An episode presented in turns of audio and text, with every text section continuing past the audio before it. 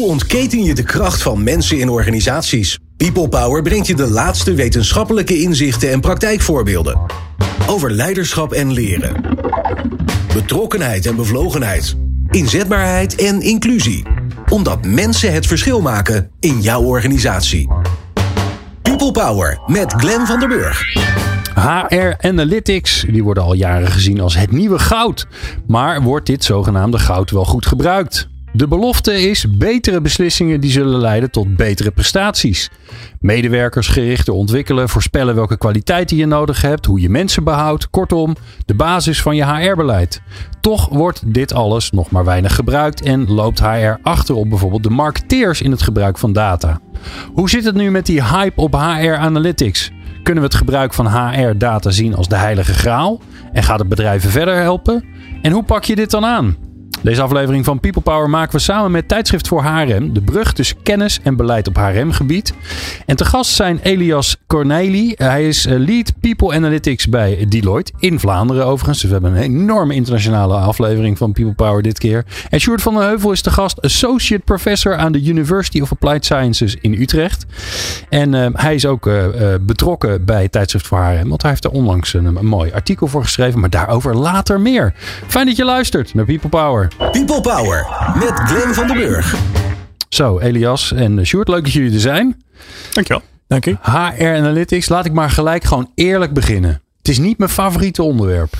Nee, ja. Waarom niet? Ja, ik ben, vind mensen leuk. En ja. data minder. Dat ja. ik denk dat veel HR-mensen daar last van hebben. Ja, dat is ook denk ik het grote probleem. Hè? Waarom ga je bij HR? Ja, ik vind mensen wel ja, heel, heel met mensen werken. Ja, met mensen. Ja. ook trouwens in opleidingsland. Hè? Want dan zitten we natuurlijk hier. Uh, je hebt een achtergrond in de, in de academie. Ja, de, die, die, die, die marketing uh, op HRM-gebied moet ook iets mee. Ja, ja. ja, zeker. Eerst maar even bij de hype beginnen. Het is, um, um, Sjoerd, wij kennen elkaar een beetje. We hebben samen op het podium gestaan. Um, ik kondigde jou aan en jij zei intelligente dingen. Dat is een beetje onze taakverdeling geweest. Toen stond ik nog op het podium, of niet? Ja, ja toen stond je er. Ja, je bent ja. er ook een keer afgekukeld. Maar dat, uh, het is overigens goed gekomen. Je hebt uh, niks uh, blijvends aan overgehouden, volgens mij. Uh, maar het, het, is enorm in opkomst gekomen. Ik weet nog wel, de eerste keer dat ik ervan hoorde, nou, een jaar of vijf, zes geleden denk ik. Toen dacht ik echt, wat is dit nou weer? Waar gaat dit over? Ja, nu uh, is, is het niet meer weg te denken. Tenminste, niet meer weg te denken volgens mij uit, alle, uit alles wat je erover kan lezen. Maar gebeurt dat ook een beetje? Een beetje. Een beetje nog? Ja, ja. dat is het denk ik. Is het een hype? Nee. Het is geen hype? Nee, vind ik niet. Nee? Het is, goed, we zitten hier als twee, uh, twee uh, doktoren ook aan tafel. Hè? Dan, dan wil je het over definities hebben. Kijk, als je de definitie hebt van een hype, dat is iets wat dus ook weer overgaat. Ja, en dat geloof ik pertinent niet uh, okay. hierbij. Nee. Oké, okay. het gaat niet over. Nee. Elias, is het een hype? Nee, daar nee? ben ik ook mee akkoord. Wat zijn jullie het weer lekker eens? Ja, jammer ja. genoeg. ja. Maar is het gevaar er wel dat mensen het gaan zien als een hype? Want dat is natuurlijk een beetje het probleem. Uh, ik heb dat onlangs volgens mij met werkgeluk gezien. Op een gegeven moment krijg je ook een soort tegenkracht van ja, daar gaan we weer. Mm -hmm. Dat hebben we nu toch al gehad. Is over. Ja, alsof we niet meer gelukkig hoeven te zijn in het werk. Dat is toch raar? Ja. Kijk, maar hypes zitten dus ook vaak, je noemt nu het woord uh, werkgeluk. Uh, het gaat op terminologie, die zal misschien gehyped worden. En, en, en het woord uh, workforce analytics of HR analytics of wat dan ook, dat, dat zal zeker gehyped worden. En dan komen vast wel weer wat nieuwe termen. Maar de essentie om te gaan kijken hoe je, hoe je op basis van, van, van data betere beslissingen kunt nemen. Dan is nog de vraag voor wie, ja, voor de organisatie of voor de medewerker of voor de maatschappij. Dat gaat niet weg. Nee. nee toen ik tien jaar geleden, denk ik, mijn stage deed als psycholoog, dan deden we ook al uh, dingen met absenteïsmecijfers en retentiecijfers. Nou ja, dat is tien jaar geleden, dus dat gebeurde toen al. Maar de naam noemde toen niet People Analytics of ja. HR Analytics. Ja, dat was gewoon, we doen verzuim en we kijken naar absenteïsme met cijfers. En ja. Daar namen ze ook beslissingen, maar de dag van vandaag is het door technologie nog meer gedreven. Er is gewoon meer data. Er is uh, ja, een andere naam opgeplakt, maar de essentie blijft al hetzelfde. Ja. Zullen we dan eerst maar eens even kijken wat het eigenlijk is? Wat, Ja. is, wat is HR Analytics? Wat is het volgens jou? Uh, ja, ik zou zeggen op, op basis van alles wat je vastlegt, uh, voor zover dat mag. Dus dat is ook weer een ander vraagstuk. En voor, voor zover je het wil, dat is ook weer een ander vraagstuk volgens mij. Maar um, um, met alles wat je vastlegt, uh, daarnaar kijken en daar alle ja, statistische, voorspellende en verklarende technologieën op loslaten. Ja. Ja, nou dat heeft zeker denk ik flink wel. Ik ben ook wel benieuwd wat, jij, uh, wat jouw gedachten zijn. Ik denk dat het heel erg de vraag is, wat leg je vast?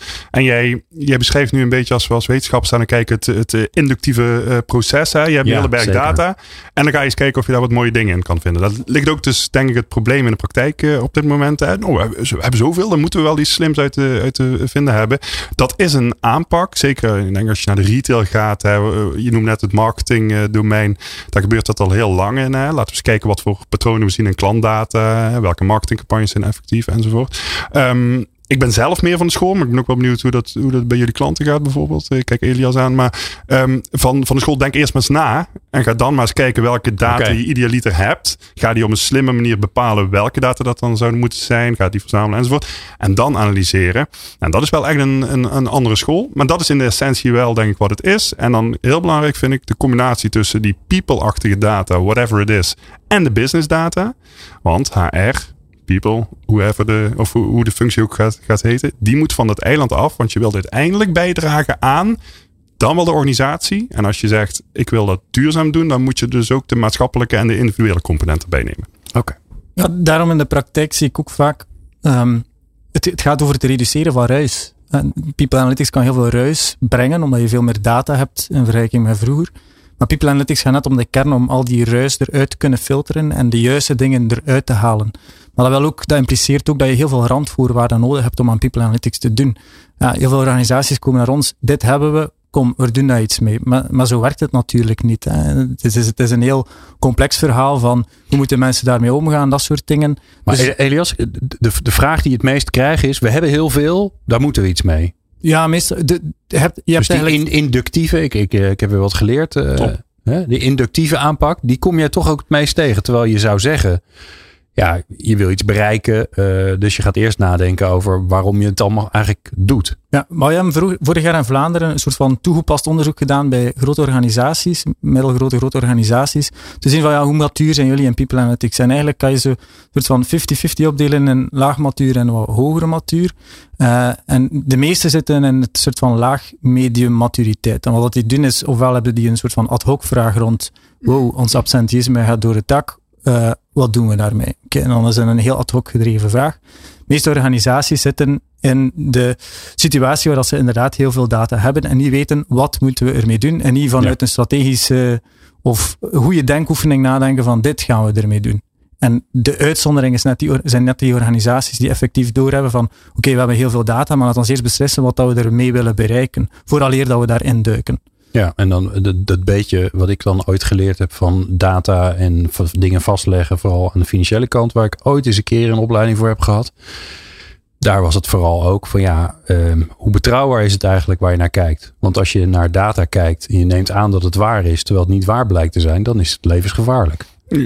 Ja. ja, ik denk alle onderwerpen die we hier gaan bespreken. Dat, nou ja, je, je kunt overal heel lang, heel lang over praten. Natuurlijk is dit zo. En dat is ook heel mooi wat Elias zegt. Van kijk, garbage in, garbage out. Als je als organisatie niet weet uh, wat je ermee wil, dan, dan kun je heel veel data hebben. Leidt tot niks. En ook, ook moet de organisatiestructuur op orde zijn enzovoort.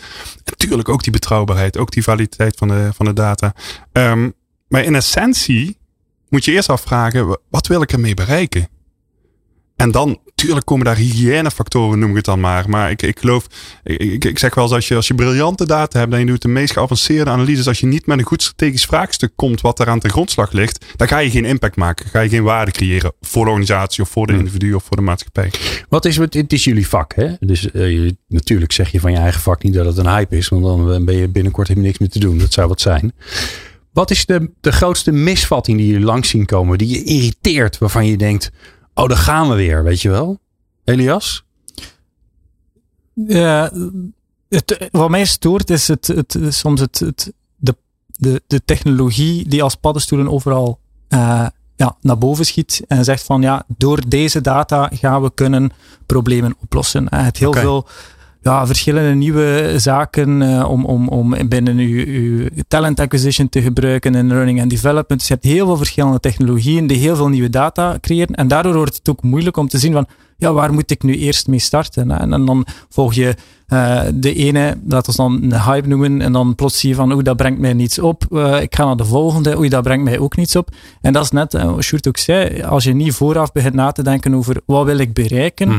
ja, als je dat niet kan, kan, kan nauw, nauwer maken, ja, dan, dan zit je met een probleem. Ja, dus het soort van, ja, paddenstoeltjes en ballonnetjes die overal worden opgelaten, opgelaten alsof dit is de heilige graal inderdaad om, om een probleem op te lossen. Ja, dat, dat stoort mij wel. Ja, ja dus ik, ik hoor je zeggen, um, dit is een fundamentele manier om, je, om eigenlijk je vakgebied een, een niveau hoger te krijgen. Hè? Want je gaat beslissingen nemen op basis van, van, van data in plaats van dat je denkt, nou ik denk dat het een goed idee is of uh, we hebben een beetje ervaring opgedaan of de buurman doet het ook. Wat toch nog veel in HR-land uh, de reden is om ergens iets mee aan de slag te gaan. En, en doordat het zo in is, zie je allerlei uh, technologie, productenaanbieders, die zie je ineens oppoppen en die zeggen, ja, we hebben het voor je hoor, doe dit en dan komt het allemaal goed. Ja, en, en zo werkt het niet. Zo werkt het natuurlijk niet. Het kan voor organisaties heel goed werken, maar dat is misschien omdat die organisatie een heel specifiek probleem heeft. En dat kan het een oplossing voor zijn. Maar zolang dat je niet definieert van wat is nu echt mijn grootste probleem, wat zijn mijn grootste uitdagingen, wat wil ik de komende vijf à tien jaar doen met mijn organisatie, ja, dan, dan pas kan je beginnen nadenken, wat heb ik daarvoor nodig? Want technologie is maar de, de oplossing voor een bepaald probleem of een oplossing, maar je hebt er veel meer voor nodig. Ja, eigenlijk niks anders dan, dan de opkomst van technologie bij al die eh, engagement, betrokkenheid, tevredenheid, wat was weggeluk, zei dat, dat soort achtige onderzoeken. Kijk, en ik, ik, ik, heb het van dichtbij gezien en jullie waarschijnlijk ook wel of, of, of gehoord. Maar van, oh, dan worden er zes vendors uitgenodigd om, om, want we moeten daar nu iets mee. Of dat heeft de ondernemingsraad gevraagd of, of wat voor club dan ook. Ja, dat gaat het niet worden als je niet. En dan, dan kom je denk ik, ik moest even nadenken van wat is mijn ergernis. Dat zijn toch die directeuren, die HR-directeuren die het onvoldoende uh, in een snotje hebben wat het nou eigenlijk is, wat je ermee kunt. En dus toch nog in de oude wereld, in de oude realiteit leven. En daar bedoel ik dan mee toch de, de, de metrics uh, wereld. Hè? Toch de, het rapportage denken. Het, het eigenlijk het, het geaggregeerd weergeven van data. Want dat is eigenlijk wat er nu voor 90, 95 procent in HR-dataland uh, gebeurt. Hè? Je hebt een ruwe bak data. Maar leg het verschil eens even voor mij uit. Dus in essentie, je, hebt, je pak een spreadsheet die je hebt van je financiële huishouding thuis of, of wat dan ook. Maar heel veel data snap je niks van. Hè? Dus uh, ook hoe slim dat wij met z'n drieën bij elkaar zijn. We snappen er niks van. Dus je moet het gaan ordenen. Je moet het in volgorde zetten of gemiddeldes van maken of ratio dat is wat de gemiddelde HR-afdeling op het gebied van data uh, doet. Alleen. Dus die zeggen bijvoorbeeld: ons uh, ziekteverzuim, hè, onze absenteïsme, vind ik eigenlijk een veel mooier woord, is gestegen met 1%, want het was vorige maand 5% en we zitten nu op 6%. Ja, dat is en dus eigenlijk waardeloos. zegt dat niet zoveel. Nee, dat zegt op, op heel veel gebieden helemaal niks. Uh, uh, stel dat het bij de directie 30% is, wat vervolgens wordt uitgemiddeld naar uh, 2%, all-time low. Maar de hele directie ligt voor Pampus thuis. Dus niet fijn. Of, of welke je kritische groep dan, uh, dan ook is. Dus gemiddeldes, et cetera, zit allemaal heel, heel grote nadelen aan. Dus je wilt eigenlijk, je noemde net in je intro al een soort van predictieve analyses, voorspellende analyses. Of misschien zelfs het geautomatiseerd steeds laten leren. Hè? De, de AI-technieken, de machine learning-achtige oplossingen, daar wil je naartoe gaan. Um, maar dan moet jij als hogere legerleiding snappen wat er in de markt is, waar het vakgebied aan toe gaat. Ja, en daar zit, jij praat veel meer met HR-directeuren nog dan ik, denk ik, maar uh, uh, uh, daar zit het grote manco. En ik grap wel eens, dat is een anekdote uit Voes al een aantal jaar geleden. Met werk door een HR-directeur van een uh, niet nader te noemen academisch ziekenhuis uh, uitgenodigd om, om die HR-club mee te nemen. Mhm. We hebben een superleuke middag gehad. Maar zijn intro die legde hem al helemaal plat. Want daar werd helemaal duidelijk uit. Ja, ik zie dat HR Analytics eigenlijk totaal niet zitten. Ik snap ook niet wat het is. Ik zie het nooit ook niet. Maar goed, iedereen. En dan kom je een beetje bij die hype-achtige gedachte uit. Iedereen heeft het erover. Dus laten dus wij er ook maar aan dus besteden. Ja, ja. ja, en vier jaar later kwam ik die in een, in een grote sessie met, met collega HR-directeur tegen. En inderdaad, er was helemaal niks gebeurd in die vier jaar. Nou, Kortom, mijn ergernis, HR-directeur. maar het is ook een beetje vanuit de assumptie bij, die, bij HR en dat er bepaalde dingen niet meetbaar zijn. Hè. Absenteïsme, retentie, dat is nog wel goed meetbaar. Maar als het over engagement gaat, werkbeleving enzovoort, ja, dat is menselijk gedrag dat soms wel wat moeilijker te meten valt. Dus ja, je merkt ook de weerstand om ermee te beginnen, omdat die denken van ja, dat is toch niet meetbaar. Een, een CFO, een financieel directeur, die kan heel makkelijk zeggen, ja, dit is mijn winst, dit is mijn verlies, dit is mijn omzet. En daar is maar één waarheid. Hè, terwijl dat voor HR soms wel veel moeilijker te meten is. En daarom zijn mensen ook bang vaak om ermee te beginnen, of, of, of dan laten ze zich ook leiden door marketingtrucs over, ja, als we het op, op deze manier meten, ja, dan komt het allemaal goed. Terwijl, ja, je moet een soort van mindset creëren om ook goed te kunnen nadenken over, ja, wat is waarheid, wat is geen waarheid, wat klopt, wat klopt niet, wat is meetbaar, wat is niet meetbaar. En daarvoor heb je ook wel een klein beetje ja, een academische insteek nodig. Uh, niet zelf, maar laat u dan gewoon wel begeleiden door mensen die, die dat soort dingen wel weten. Uh, ja. Om, om ervan te leren. Nou, en ook die vraag die jij net zegt hier, hè, van validiteit, juist hierom. Hè, ook, ook uit onze traditionele mindset gaan. En misschien zijn dat de wetenschappers of misschien moeten we een paar kunstenaars uitnodigen. Van hoe meet je die wat, wat, tevredenheid of werkgeluk of wat dan ook. Hè, en dan de gemiddelde HR-persoon, misschien ook, ook wetenschapper, die gaat naar een interview of een survey toe. Maar denk aan sentimentachtige analyses. Denk aan, aan de, de knopjes in het toilet bij, uh, bij het uh, vliegveld. Hè? Dat kan ook bij de uitgang van een kantoor staan. Denk aan uh, mimiekanalyse. Hè? Gewoon het analyseren van de expressie op gezichten. Het is er allemaal. Het kan allemaal technologisch. Even los van compliancy, privacy-achtige elementen. Maar het kan. Dus door, precies wat jij zegt, ben ik het helemaal mee eens. Van als dat we de mindset krijgen in organisaties om kritisch na te gaan denken hoe, en dan gaat het hier over het woord operationaliseren. Hoe maken we nou bepaalde concepten meetbaar? Nou, die discussie moet loskomen. Want dan zie je kansen. En dat is nou precies waar we het straks over gaan hebben. Experts en wetenschappers over de kracht van mensen in organisaties. People Power. Elias Corneli uh, van Deloitte en Sjoerd van de Heuvel van uh, onder meer de University of Applied Sciences Utrecht. Is dat gewoon de, de Hogeschool Utrecht? Precies dat. Stiekem? Ja. Oh, ja, ja. Nou, dat is wel een belangrijke. Een aantal uh, hogescholen doet ook substantieel hoeveelheid onderzoek. In Kleus als... Ja. Ja, oké. Okay, nee, dat is belangrijk om het verschil aan te geven. Ja, toch? Um, waarom willen we dit? Wat is het verlangen wat erachter zit? Waarom wordt dit... Waarom, waarom is iedereen hiermee bezig? Uh, wordt er zoveel over gesproken, over gepraat en nog niet zo heel veel over gedaan? Tenminste, niet in Nederland heb ik zo begrepen.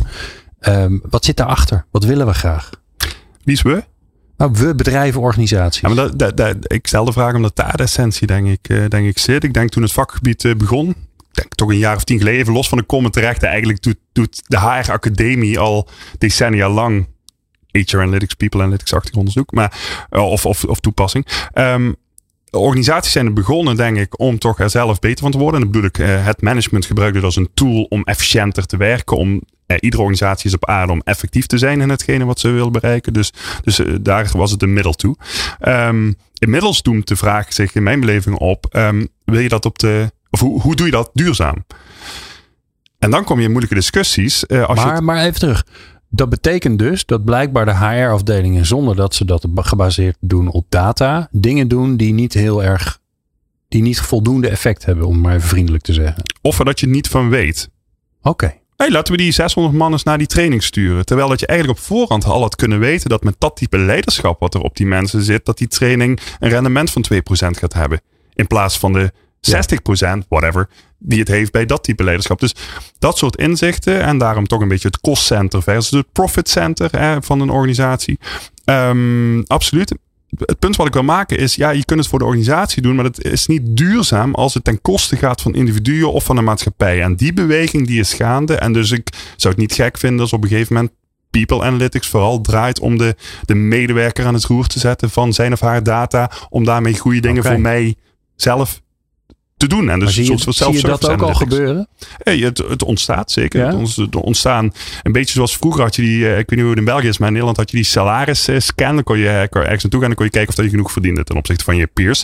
Ja, kijk, volgens de GDPR, de Europese privacywetgeving, is de data van ons. Ik, ik denk, ik, ik weet niet hoeveel luisteraars jij hebt, maar als al die luisteraars nu eens naar een baas gaan en zeggen, hey, geef mij eens alle data die jij van mij hebt, is die baas verplicht om dat te geven. Oh, dat, dat, dat, wordt een ja. dagtaak. Ik denk dat het een kwestie van tijd is. Ze staan nog beperkt op dat, dat er een derde partij komt. die dus al die data gaat verzamelen voor jou en mij en Elias. We werken voor verschillende ja, organisaties. In een kluis. En dan in een goede kluis, maar dan daar slimme analyses op gaat doen. om bijvoorbeeld mij in staat te stellen om mijn loopbaanpad uit te stippelen. Dat gebeurt al, hè? Dat gebeurt in gebeurt. beperkte mate. Ja, vertel Elias, waar gebeurt het al? Wel, het gebeurt in de publieke sector. In Vlaanderen bijvoorbeeld is men ook bezig om te zien van hoe kunnen we alle data van de burgers gebruiken om te zien hoe dat we de arbeidsmarkt kunnen voorspellen, hoe dat we mensen beter kunnen begeleiden, makkelijker kunnen oriënteren. Uh, omdat automatisering van heel veel vroeger manueel werk zorgt ervoor dat er tijd vrijkomt om uh, een consulent die, die bemiddelt voor, of u een, een job zoekt wanneer je werkloos bent, ja, als die heel veel automatische systemen heeft om voor u de beste job te zoeken, ja, dan kun je veel meer tijd spenderen Ja. en effectief dat menselijk aspect. Dus het is volgens mij ook, eh, People Analytics, het is een, ook een, een soort van roep om terug het menselijke aspect van HR ook centraal te kunnen zetten. Omdat data ervoor zorgt dat je gewoon heel veel ruis kunt weghalen of intuïtie kunt weghalen en dat je meer een betere waarheid krijgt. En dat je dan echt kunt focussen op wat dat ertoe doet in HR. En dat is effectief de medewerkers centraal stellen, zo goed mogelijk ja, Ja. Begeleiden of zo goed mogelijk eh, eh, ja, begeleiden in zijn werk, eh, engagement vergroten, leeropportuniteiten geven. Ja, door data kan je dat soort dingen veel meer gaan doen. En het is ook een organische ontwikkeling, hè, want ja, de HR-afdeling zag er 30 jaar geleden, 20 jaar geleden helemaal anders uit. Eh, binnen HR zie je ook steeds meer hoger opgeleide universitairen die een opleiding psychologie hebben gehad, waar dat ze statistiek hebben gehad, eh, ook al heel veel data geletterdheid hebben. Ja, in die organisatie zie je ook een soort van tweespal tussen een soort van oud HR en nieuw HR. Mensen die dan ja, vooruit willen, anderen die dan een beetje banger zijn van oeh ja, wat gaat er allemaal gebeuren. Mhm. Dus het is ook wel nodig om die mensen verder te gaan begeleiden om wat te doen. Hè. Dus het is ook organisch. Maar ik hoor jullie eigenlijk dus ook zeggen, ehm, zeg maar, alle activiteiten die HR on- onderneemt, daar is eigenlijk niet zo scherp van wat het nou eigenlijk oplevert. We Nee. weten van tevoren niet of een plan wel succesvol gaat worden. We kunnen dat niet echt onderbouwen. Dus het is toch vooral op basis van, ja, maar dat doen ze bij Unilever ook. Of eh, ik heb laatst een boekje gelezen. Of, eh god, wat zijn we er enthousiast over met z'n allen. Maar zeggen van, oké, nee, maar kijk, dit hebben we onderbouwd met data. Dat gebeurt dus niet. Dus er wordt best wel veel op onderbuikgevoel, eh, enthousiasme, energie gedaan. Wat natuurlijk hartstikke leuk is.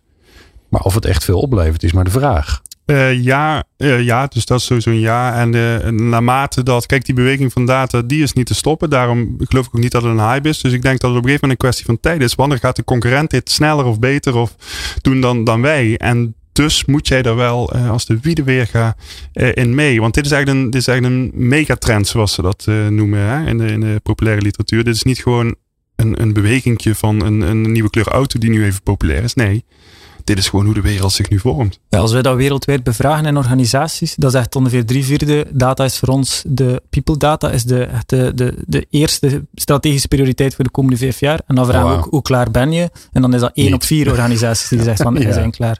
Dus Ja, daar ja. is een gigantische... Grote Ja. urgentie, groot en nog veel werk te doen. Ja, voilà. Dat is eigenlijk het verhaal. Het verhaal Ja.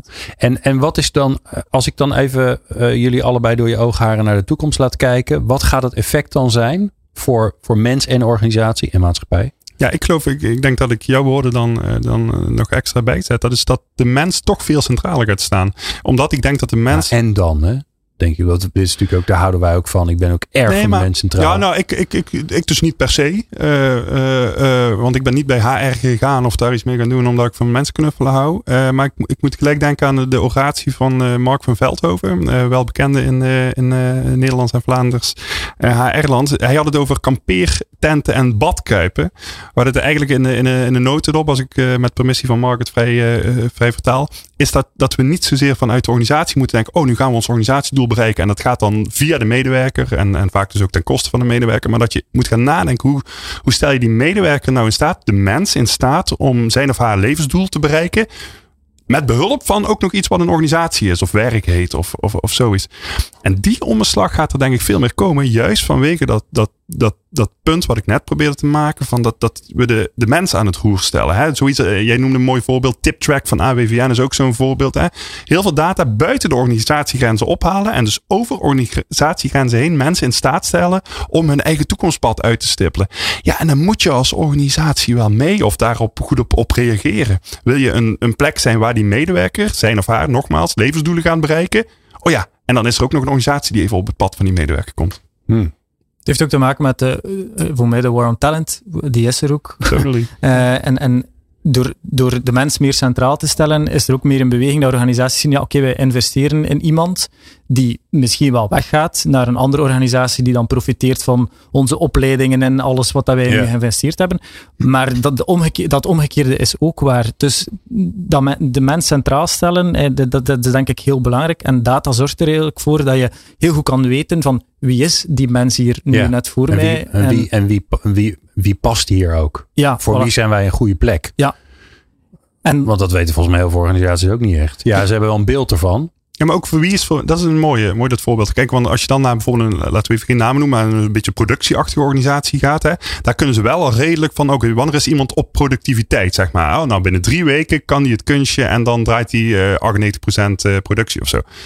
Maar dat zegt natuurlijk niet iets, en dat vertaalt zich dan ook vaak in het HR-beleid, uh, hoe, hoe, gelukkig dat die persoon zich voelt, of dat hij over zes maanden er nog steeds werkt. Uh, en zeker inderdaad in die war for talent, die, die geloof ik al, uh, al drie decennia gaande is, maar, maar wat nu toch nog, nog wat opportuner wordt. Ja, zul jij ook naar die lange termijn moeten kijken. En dus ook wat jij eigenlijk aanstipt, je businessmodel mogelijk gaan veranderen. Want misschien ben je niet meer die partij waar, waar mensen lang werken, maar ben jij de partij wat een enorme stap is als schoolverlater om daar even zes jaar hartstikke hard te knallen. Voor de klant, voor de aandeelhouder, voor de maatschappij, wat dan ook.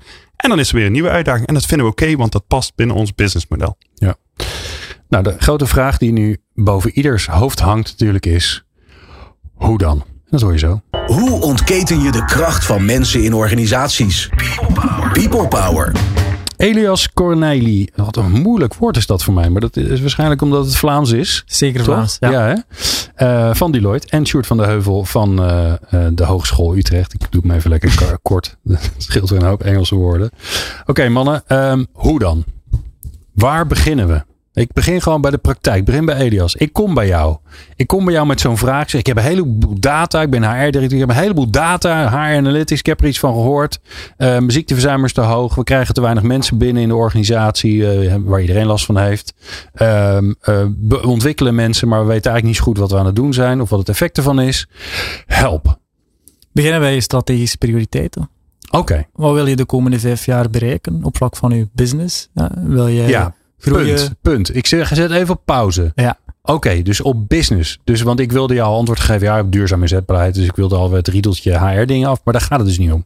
Nee, in eerste instantie gaat het effectief over de hoogste beslissing dat je kan nemen, waar dat je je organisatie naartoe wil laten gaan in de komende vijf jaar.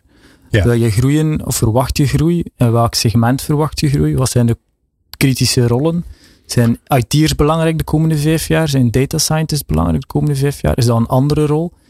En dan gaan kijken van welke data hebben we. Maar dat hangt dus vast aan de business uitdaging die erboven ligt. Dus als ik tegen jou zeg, ja weet je, we waren echt een maakbedrijf, maar uh, het wordt steeds meer een servicebedrijf. Uh, we gaan dingen veel meer as a service aanbieden. En, uh, en vroeger maakten we veel tastbare dingen, maar het begint steeds meer software te worden. Dan denk jij in je hoofd, oké, okay, dus een ander soort mensen die je nodig hebt. Je hebt meer servicegerichte mensen ja. nodig. Dat is eigenlijk wat dat HR consulting al de laatste vijf, tien jaar doet, is de vertaalslag maken van de businessstrategie naar de HR-strategie. Wel, dan heb je erbij komend de vertaalslag naar de people analytics strategie. Wat, wat willen we bereiken met onze people analytics functie of met onze data om die strategische doelstelling te bereiken? Want natuurlijk, data is de perfecte manier om ook op te volgen over tijd. Gaan wij onze strategische doelstellingen wel bereiken binnen de komende vijf jaar? Ja, want je gaat eigenlijk ook, hè, los, los van het feit dat je de data gaat gebruiken om je strategie te vervolmaken, ga je hem ook gebruiken om te kijken of je überhaupt wel op het goede pad bent. Dus het is ook een soort dashboard. Ja, zeker. Oh, pas op. Oeh, ja, leuk. Dat is een woord waar Sjoerd op afgaat. Ja, ja. Dash, dashboard mee oppassen, want we hebben het net over metrics gehad. Juist in, in dashboard staan metrics. Ja, Wat weer een statische ja, weergave is van, van dat momentje. Dat gemiddeltje. En dat is weer risicovol. Maar voor, voor de echt zo eens met Elias. Dat, ja. Het kan wel dynamisch. Hè? Bedoel, Zeker. Het gaat, er, het gaat er ook over dan dat er heel veel randvoorwaarden worden ingevuld in het gebruik van die people analytics. Want stel nu dan CEO zegt, oké, dit zijn mijn strategische prioriteiten. Wij vertalen dat in een people analytics strategie. Ja, als er daar geen team zit die weet hoe dat zij data moeten gebruiken, of dat er geen processen zijn, de technologie is er niet, ja, dan zit je met een probleem. Hè. Dan krijg je het klassiek verhaal van we willen uh, technologie gebruiken, maar mensen die, moet, die het moeten gebruiken denken van ja, hier werkt het niet, of ik weet niet hoe het werkt. Dus er zijn duizend en één randvoorwaarden die je vanaf dan moet beginnen invullen. En dat, dat is de moeilijkheid in een markt die vrij laag matuur is daarin. Ja, er zijn ook niet zoveel mensen die, die hierin geschoold of die ervaring in hebben. Klopt, wel steeds meer, maar we hebben wel een soort van uh, historiek in HR dat we achterop hinken, bijvoorbeeld tegenover marketing of tegenover finance en die profielen die ja, data geletterd zijn en die snappen welke data zijn er, wat kan ik daarmee doen, hoe moet ik die interpreteren. Ja, hier, eigenlijk het, het dashboardverhaaltje pakt dit al heel mooi vast. Je kunt gewoon, zoals het meestal gebeurt, wordt er een dashboardje weer gemaakt met metrics op alles wat we nu al eigenlijk inzichtelijk proberen te krijgen. Wat je eigenlijk zegt, en dat is de essentie, is dat je eerst gaat nadenken. Na gaat denken welke strategische doelen enzovoort. En als je dan, ik moet, ik moet denken aan Walter Kluwers van, van Marielle Zonnebberg, die, die het heel mooi had gezegd. Ja, eigenlijk ieder kwartaal doen we nieuwe analyses op strategische prioriteiten, focuspunten zo. En ieder kwartaal, en misschien is dat inmiddels alweer wat gedateerd, maar ieder kwartaal gaan we dat dashboard weer aanpassen met wat dan relevant is. Nou, en dan snap je het. Maar je stelt dus continu die vragen richting het strategisch belang. Ja. Dat is wat we inderdaad zo embedded people analytics noemen. Hè, volledig geïntegreerd in je business. Als je een, een kwartaalreview hebt van de cijfers op vlak van finance, dan doe je dat ook op vlak van HR en kijk je van oké, wat hebben we bereikt? Wat missen we nog? Wat moeten we nog veranderen? Uh, dus dat is wel, wel heel belangrijk. Maar dan moet je ook als organisaties als organisatie keuzes durven maken. Want wat zie je in HR heel vaak? Iedereen heeft zijn eigen spreadsheet. Ja, iedereen heeft zijn eigen rapportje. Persoon X heeft een Excel, persoon Y heeft een Excel. En daar staan zogezegd dezelfde dingen in, maar dat zijn compleet andere cijfers. Dat, moet, dat wil ook zeggen dat je als organisatie plots zegt van nee, dat doen we helemaal niet meer. We gaan naar één waarheid, een one-stop shop waarin alles zit. En daarop ga je baseren om beslissingen te nemen. En dat zie je dus ook heel vaak, dat je nog tien verschillende rapportjes of Excels of andere dashboards hebt in de praktijk, waardoor dat mensen ja, de verkeerde beslissingen nemen, omdat ze niet met de juiste data werken. Dus je, je moet ook ervoor zorgen dat mensen één waarheid te zien krijgen. Hmm die afgesproken is met iedereen. Van dit is hoe dat we het interpreteren, dit is hoe dat we uh, definiëren, dit is hoe dat we retentie definiëren. Dus daar zit een heel voortraject in, in ja, echt effectief het operationaliseren van heel dat proces. Is dat niet gelijk ook de grootste uitdaging? Dat je ineens eh, allemaal vragen krijgt en dingen krijgt die je moet gaan um, definiëren, hard maken, um, duidelijk uitspreken, samen moet gaan doen.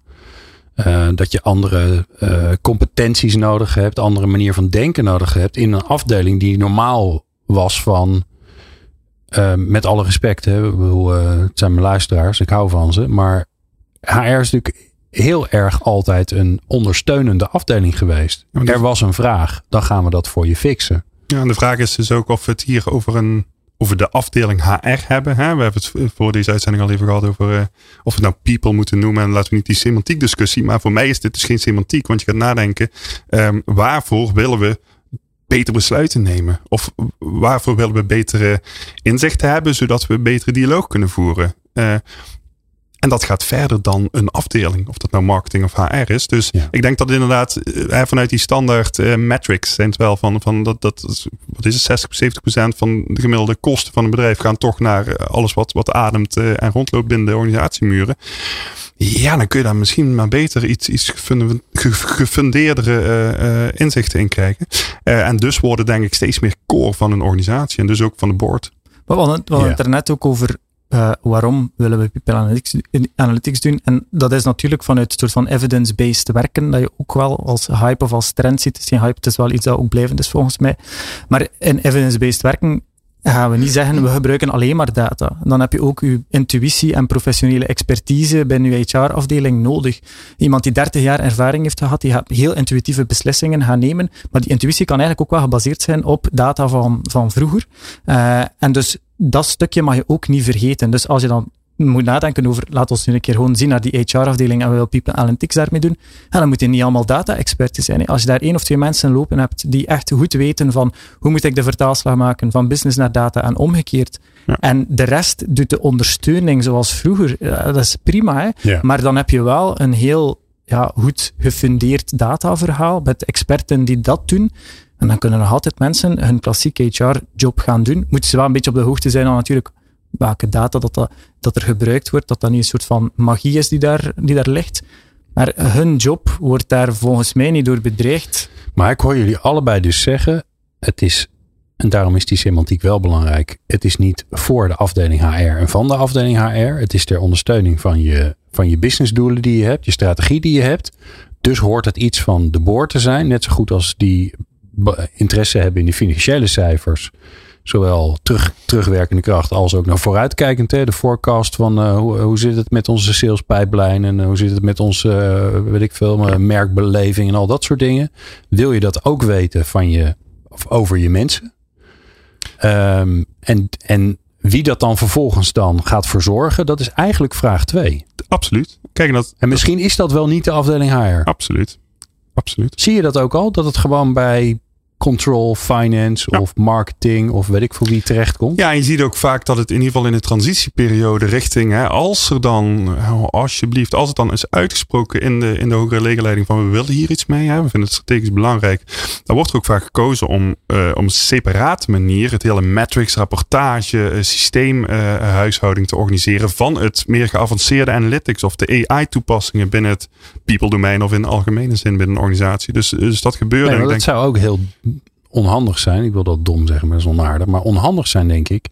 Dat je dit gaat weer als een apart dingetje gaat organiseren. Want ja, de verbanden met de financiële component en alle andere dingen die je meet. Ja, dat is volgens mij ook de essentie. Daarom mooi dat Elias begon ook bij die bedrijfsdoelstellingen. Jij had het over, eh, eh, je moet het ook monitoren. Dus kortom, je moet continu die link tussen wat je op people gebied doet en wat de organisatie bereikt. eh, hoe effectief de organisatie in essentie is en wat het voor aandeelhouders, voor de maatschappij, voor individuen doet. Dat zul je continu in, in een snotje moeten hebben. En dus moet je over de grenzen samenwerken. Maar goed, daar, kun je op allerlei, op allerlei domeinen moeten daar battles gevoerd worden. Systeemintegratiegebied. Natuurlijk elkaar kennen. Hè? eh, organisatiecultuur. eh, leiderschapsprofielen die toch in een bepaalde mate dezelfde taal moeten spreken. Enzovoort, enzovoort. En daarom... Je Best een net- grote verandering eigenlijk. ja, nee, maar het is dus een mega transformatie. Dus, dus jij zei net van, oh, maar eerst moet je allemaal vragen stellen. Ja, en dat is, iedereen die luistert, die kent eh, professor John Boudreau wel uit Southern California. Die heeft een keer bij een sessie bij ons gezegd, ik, ik vertel het graag. Hij zei, jongens, het gaat niet om antwoorden vinden met analytics. Het gaat om betere vragen stellen. En ik denk als je dus met, met hoe je ook bij een Deloitte komt, of hoe je ook bij een universiteit komt om samen te werken. Maar ehm, je, je moet jezelf heel veel vragen gaan stellen. En dat in eerste instantie leidt dat, dat merk ik ook trouwens in de trainingen, van altijd tot frustratie en, en halverwege weer opnieuw beginnen enzovoort. Maar uiteindelijk zorgt het voor betere vragen. Ja, en dan ben je een heel einde. En het voelt misschien niet gelijk zo. Maar als je daar een slimme directeur, en ik noem bewust niet HR-directeur, maar het kan ook gewoon een CEO zijn. Als je daar doorheen kunt kijken en ziet met wat voor reis je bezig bent en je hebt voor jezelf helder welke stip je ergens ver weg op die horizon hebt staan. Spekkoper. Ja, en ik hoor jullie. Ik, ik, het grote gevaar wat ik zie eh, opdoemen, eh, als we dan toch weer even terugtrekken naar de hype, is dat je inderdaad een dingetje gaat doen. eh, met alle respect. Dat je, dat je, dan, je gaat iets kopen, je gaat in, komt in de actiemodus, je gaat iets met je bestaande data doen. En je vergeet inderdaad om het te linken aan de business. Je vergeet om de goede vragen te stellen. Je vergeet om alle expertise in de organisatie daarbij te betrekken. Ja, dan is het natuurlijk. ja, en dat doe je twee keer. En de derde keer komt er geen budget meer. Ja, maar wie is je? Want ik, ik Ja, denk dat, die Lloyd, ik, ja. ik denk dat als zij zes gesprekken met een, eh, eh, met een directeur, een HR-directeur hebben gehad, die dit na zes gesprekken nog steeds niet snapt, dan mag ik hopen dat jullie zeggen, hey, het was gezellig, maar wij gaan er niks mee doen. Dat doe ik in ieder geval wel. Maar eh, Wat dat heel, ehm, wat je de evolutie in ziet, is dat je inderdaad, je gaat naar die boardroom en dan leren zij plots heel veel van elkaar. Waar dat vroeger echt alles van uit elkaar getrokken werd. Eh, door GDPR is er ook een CDO gekomen en nu moet plots CDO met CHRO en CFO communiceren. En dan merk je dat die wel heel veel leren van elkaar. Van, ah, oké, maar Ja. eigenlijk moeten wij dezelfde beslissingen nemen, met een aantal verschillende nuances natuurlijk. Maar het is, het is net dat het al nodig is om ze met elkaar te laten communiceren, om het, de noodzaak ervan in te zien en ook te zien van oké, maar als we dit willen aanpakken, dan moeten we ook een aantal dingen op vlak van basis heel goed krijgen. En dan spreek je wel vaak al over technologische eh, dingen. In plaats van nieuwe dingen te kopen, kijk je beter naar de huidige infrastructuur van wat hebben we en zet dat goed ineen.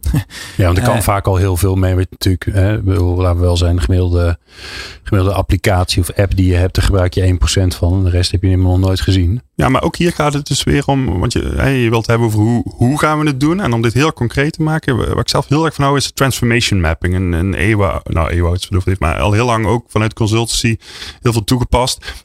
Gewoon de stip, ik had net over de stip op de horizon. Als je die nou eens als boardroom in dialoog hè, met elkaar helder krijgt en daardoor eh, energie krijgt en gepassioneerd raakt, dit willen wij zijn. En dan inderdaad op de verschillende, ik noem het dan zelf de critical success areas, hè, met denk aan technologie, denk aan data, maar ook aan cultuur, het type leiderschap, de competenties die er in de, in organisatie moeten zijn. Als je daar ook met elkaar in dialoog op uitkomt van, ah, en dit moeten we dus op een bepaald moment gerealiseerd hebben. En dat hebben we nodig voordat we die systeemaanpassingen kunnen gaan doen. En, en dat moeten we hebben, maar dan moet er wel eerst een cultuur zus en zo zijn. Ja, dan ben je samen aan het bouwen. Dan ga je elkaar taal spreken. Dan ga je samen gemotiveerd raken om richting die stip op de horizon te gaan. Ja. Ehm, als ik dit zo hoor, dan kan ik me Nou, enerzijds denk ik, volgens mij zijn er nog genoeg HR-afdelingen die absoluut zover nog niet zijn. Hè, waarbij het onderwerp mensen, ja, misschien nu door die krappe arbeidsmarkt, maar dat dat de reden is waarom het op- de boardroomtafel ligt of in de directiekamer ligt. Maar dat is het dan wel. Ehm, andere wat ik ook denk is, ja, het wordt wel gelijk mega, mega, mega groot. Dus hoe kunnen we het weer terugbrengen naar iets wat behapbaar is? Of misschien zeggen jullie wel, ja, dikke pech. Het is nou eenmaal heel groot. Dus ben eh, ga de- het nou van- niet, ga het nou niet kleiner maken. Weet niet wat jij... eh, eh, Nokia, dat vind ik toch het, alle, super uitgekoud voorbeeld. Maar het blijft altijd treffend. Wordt smartphones iets? Nee jongens, snel besluit nemen. Dus er wordt niks. Dus ja, wat wil je? Maar het, het, hoeft, ja. het hoeft helemaal niks groot te zijn. Allee, de, laat ons zeggen, als je het ziet als een grote transformatie, dan is het effectief groot. Maar in de implementatie ervan moet je klein beginnen. Het, het, puur het hoe, van hoe start je met People Analytics, is om gewoon te identificeren in welke business unit kan ik het doen. Met wie kan ik het doen? Wie spreekt er al de taal van Oké, data? jij maar jij zegt al, pak een stuk, een stuk van je bedrijf. Niet gelijk iedereen, maar pak gewoon Ja. die ene business unit directeur die, die er gevoelig voor is en die zegt dit vind ik tof. Eh, ga daar beginnen. Ja, dat, want dan creëer je succesverhalen in je organisatie. Want de- de- hey, we, we spreken ook heel vaak over weerstand tegenover data, omdat mensen niet weten wat, hoe dat ze het moeten doen, of dat ze denken dat het iets gevaarlijk is, of dat het ook hun job gaat innemen. Dat, dat zien we in de praktijk echt voorkomen. Ja. Terwijl als je een, een business unit eruit kiest die effectief het wil doen en die ermee aan de slag Ja. kan gaan, en je creëert een succesverhaal, dan gaan mensen veel meer vertrouwen krijgen. Dus het is een beetje klassieker van change. Ja. Begin Ja, ja. klein en rol dat dan later groot uit. Ja, en dan zou ik een dikke komma erachter plaatsen, want ik ben het helemaal met je eens. Eh, maar dan wel vanuit de juiste roadmap die je in gedachten hebt. Dus als jij niet weet waar jij, wat jouw stip op de horizon is, waar je over zes jaar wil belanden, dan wordt het zo'n beetje piloten bij degene die wel wil. En dan hebben we ook genoeg verhalen gehoord, die Ja. dan, hè, dan zijn ze na een jaar weer terug bij af. En dan wordt het Kortom- toch niet echt weer wat. Nee, dus zorg ervoor dat je weet waar je naartoe aan het gaan bent. Dat je weet wat je roadmap is. En dat je het dan met alle transformatiekunde, kennis die er is, slim aanpakt. Absoluut. Want ik denk ook dat de CHRO daar een heel grote verantwoordelijkheid in heeft in die transformatie, om dan te zien, wat, wat betekent dat nu voor mij ben als CHRO voor mijn talentmanagement? Als ik dat als strategische prioriteit neem, namelijk people analytics of data-gedreven beslissingen nemen en een datacultuur bouwen, ja, dan is de CHRO echt wel verantwoordelijkheid om die cultuur, verantwoordelijk om die cultuur te gaan bouwen. Hè? Want dat is zijn of haar job de dag Ja. van vandaag. Omdat ja, die cultuur op vlak van mensen en datageletterdheid dan te creëren. En dan heb je al een hele hoop andere vraagstukken als CHRO. Maar dan moet je het zelf ook weer goed snappen. Ja, dat klopt. Ja. Nou, en dat was nou precies waar ik mee zat. Met die vraag. Ik kan me voorstellen dat mensen hier naar luisteren en denken: oké, nou, ik, ik, heb, ik heb weer wat geleerd. Hè? Nou, dat, dat hopen we natuurlijk altijd. Eh, en volgens mij is dat wel gelukt. Ehm, de volgende vraag is natuurlijk dat mensen, hè, als, je, als, je, als je kennis opdoet, kom je er ook achter hoe weinig je eigenlijk weet. Dat is het nadeel van kennis opdoen. Je kan beter soms ignorant blijven, dan eh, kan je makkelijker door het leven surfen. Maar ja, nu zijn ze na deze aflevering, zijn mensen erachter dat ze denken: oh, we, we hebben weer even een hiaatje gevonden. Wat te doen? Praten, heel veel praten. Ik zou echt gelijk gaan naar de, naar de bedrijven die hier al wat mee doen. Ga koffie drinken. Ga met je Wie peers is de, wie is de, de, de, de, de, de, de, de polster eh, op dit gebied? Met het risico dat de e-mailbox eh, eh, eh, volstroomt. Maar ik denk Ja. dat we in allerlei... de Shells doet het goed. De ABN AMRO's doen het goed. Achmea doet het goed. Die hebben al echt stappen gemaakt. Ik ga met dat soort de trekkers van, van die analytics clubs praten. Maar ik denk daarbij twee sporen volgen. Eentje is, wat jij zegt Elias, starten. Starten met hands-on people analytics om ook die skills te gaan ontwikkelen. Om wat kleine succesjes te realiseren. Om het gewoon mensen enthousiast te krijgen enzovoort. En de tweede is ga met die, met die hogere legerleiding bij elkaar zitten. Om die stip op de horizon samen te gaan bepalen. Samen die cultuur te veranderen. Samen het leiderschap opgeleid krijgen. Die twee sporen. En gebruik eventueel zelfs als piloot het meetbaar maken van bijvoorbeeld datageletterdheid. Dat is een mooie databron om Ah. te zien van, ah, tja, hoe zit het nu eigenlijk in mijn organisatie? En dan zie je soms dat 75% van je organisatie er niet klaar voor is. Maar dan heb je tenminste een meetbaar gegeven en dan kan je dat ook over tijd terug opvolgen. Dus daar zou ik ook al mee starten als de volledige organisatie in kaart moet worden gebracht van wat zijn onze capabilities nu eigenlijk, hoe matuur of niet matuur zijn wij nu. Ja, dan kan je dat ook meetbaar gaan maken. En denk een heel voorbeeld qua industrie is, is de banksector, ja, omdat die vanuit ja, wettelijk kader heel veel ehm, verplichtingen heeft op vlak van data bijhouden, juist structureren, op de juiste manier beslissingen nemen. Die zijn zeer gereguleerd. Maar dus die hebben heel veel ervaringen in wat mag wel, wat mag niet, op welke manier, hoe zijn we daarmee gestart.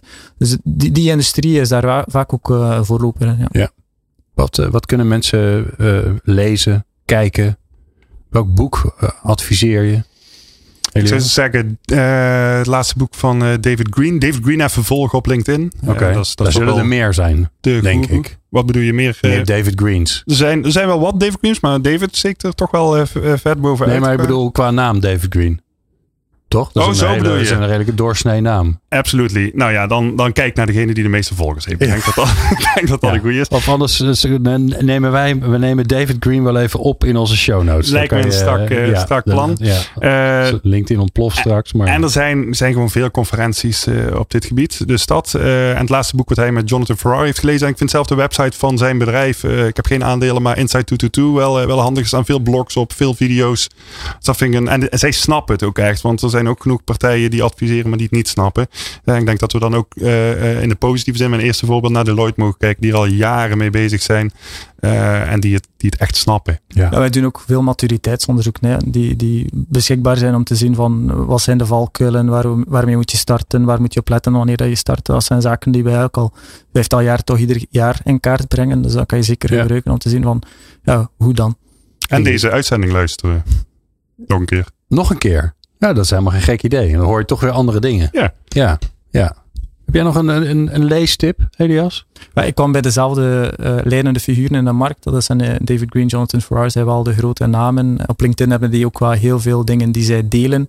Ze delen ook vaak content van ons bijvoorbeeld. Die doen maandelijks gewoon een overzicht, zeker David Green, van dit zijn de top analytics artikelen die je moet lezen. Die kunnen soms wel heel, ehm, ja, heel groot zijn. Ehm, Maar past in het rijtje eigenlijk van. Ook weer, eigenlijk, je, je refereerde net aan evidence-based management. Hè? En in de essentie is dat met het best beschikbare bewijs je beslissing neemt. Nou, hier ook moet je naar allerlei bronnen op zoek gaan. om Ja. voor jezelf de puzzel te leggen. Ja, en je, en je moet vooral ook gewoon beginnen, toch? Je moet gewoon, eh, ja. Kom maar maar vanuit de juiste. Nou, Roadmap. beginnen met lezen bedoel ik nu. Oh hè? ja. ja. maar ook daar Toch? misschien. Hè? Want Ja. je, kunt je, je, je, je kunt nu een jaar je opsluiten en alleen maar lezen en kijken. Maar ook weer daar. Wat heb jij als organisatie nodig om die businessdoelen te gaan halen? Ik dank jullie zeer. Volgens mij hebben we mensen enigszins op weg geholpen. Daar moeten we ook bescheiden in zijn natuurlijk. Wat, eh, wat kun je doen in, eh, nou wat is het, 40, 45 minuten kletsen met elkaar. Eh, maar dank voor jullie mooie heldere uitleg. Ik ben er enthousiaster over geworden dan ik was. Vind, ik vind het mooie leuk, ik vind het doelstelling leuker dan ik dacht. Dus dat is mooi. Eh, Dus dankjewel Elias Corneli, eh, lead manager in het eh, eh, People Analytics team van eh, Deloitte. En je kunt hem natuurlijk ook altijd bellen of appen. En Sjoerd van der Heuvel. En je kan bij Sjoerd gewoon een leuke leergang vast wel volgen. Als En eh, niet heel onbelangrijk, eh, als je meer wil weten over haar en analytics, eh, van der Heuvel heeft ook een tijd een, een artikel geschreven in het tijdschrift voor HRM, wat natuurlijk ondertussen allemaal digitaal is. En de link daarvan die vind je in de show notes. Dank voor het luisteren. Oh, dan zit ik ondertussen zo gezellig te kwillen kletsen dat ik helemaal vergeet om het juiste schuifje open te zetten. Ja, ach ja, je bent allemaal mensen. Meer luisteren? Ga naar peoplepower.radio en abonneer je op onze podcast.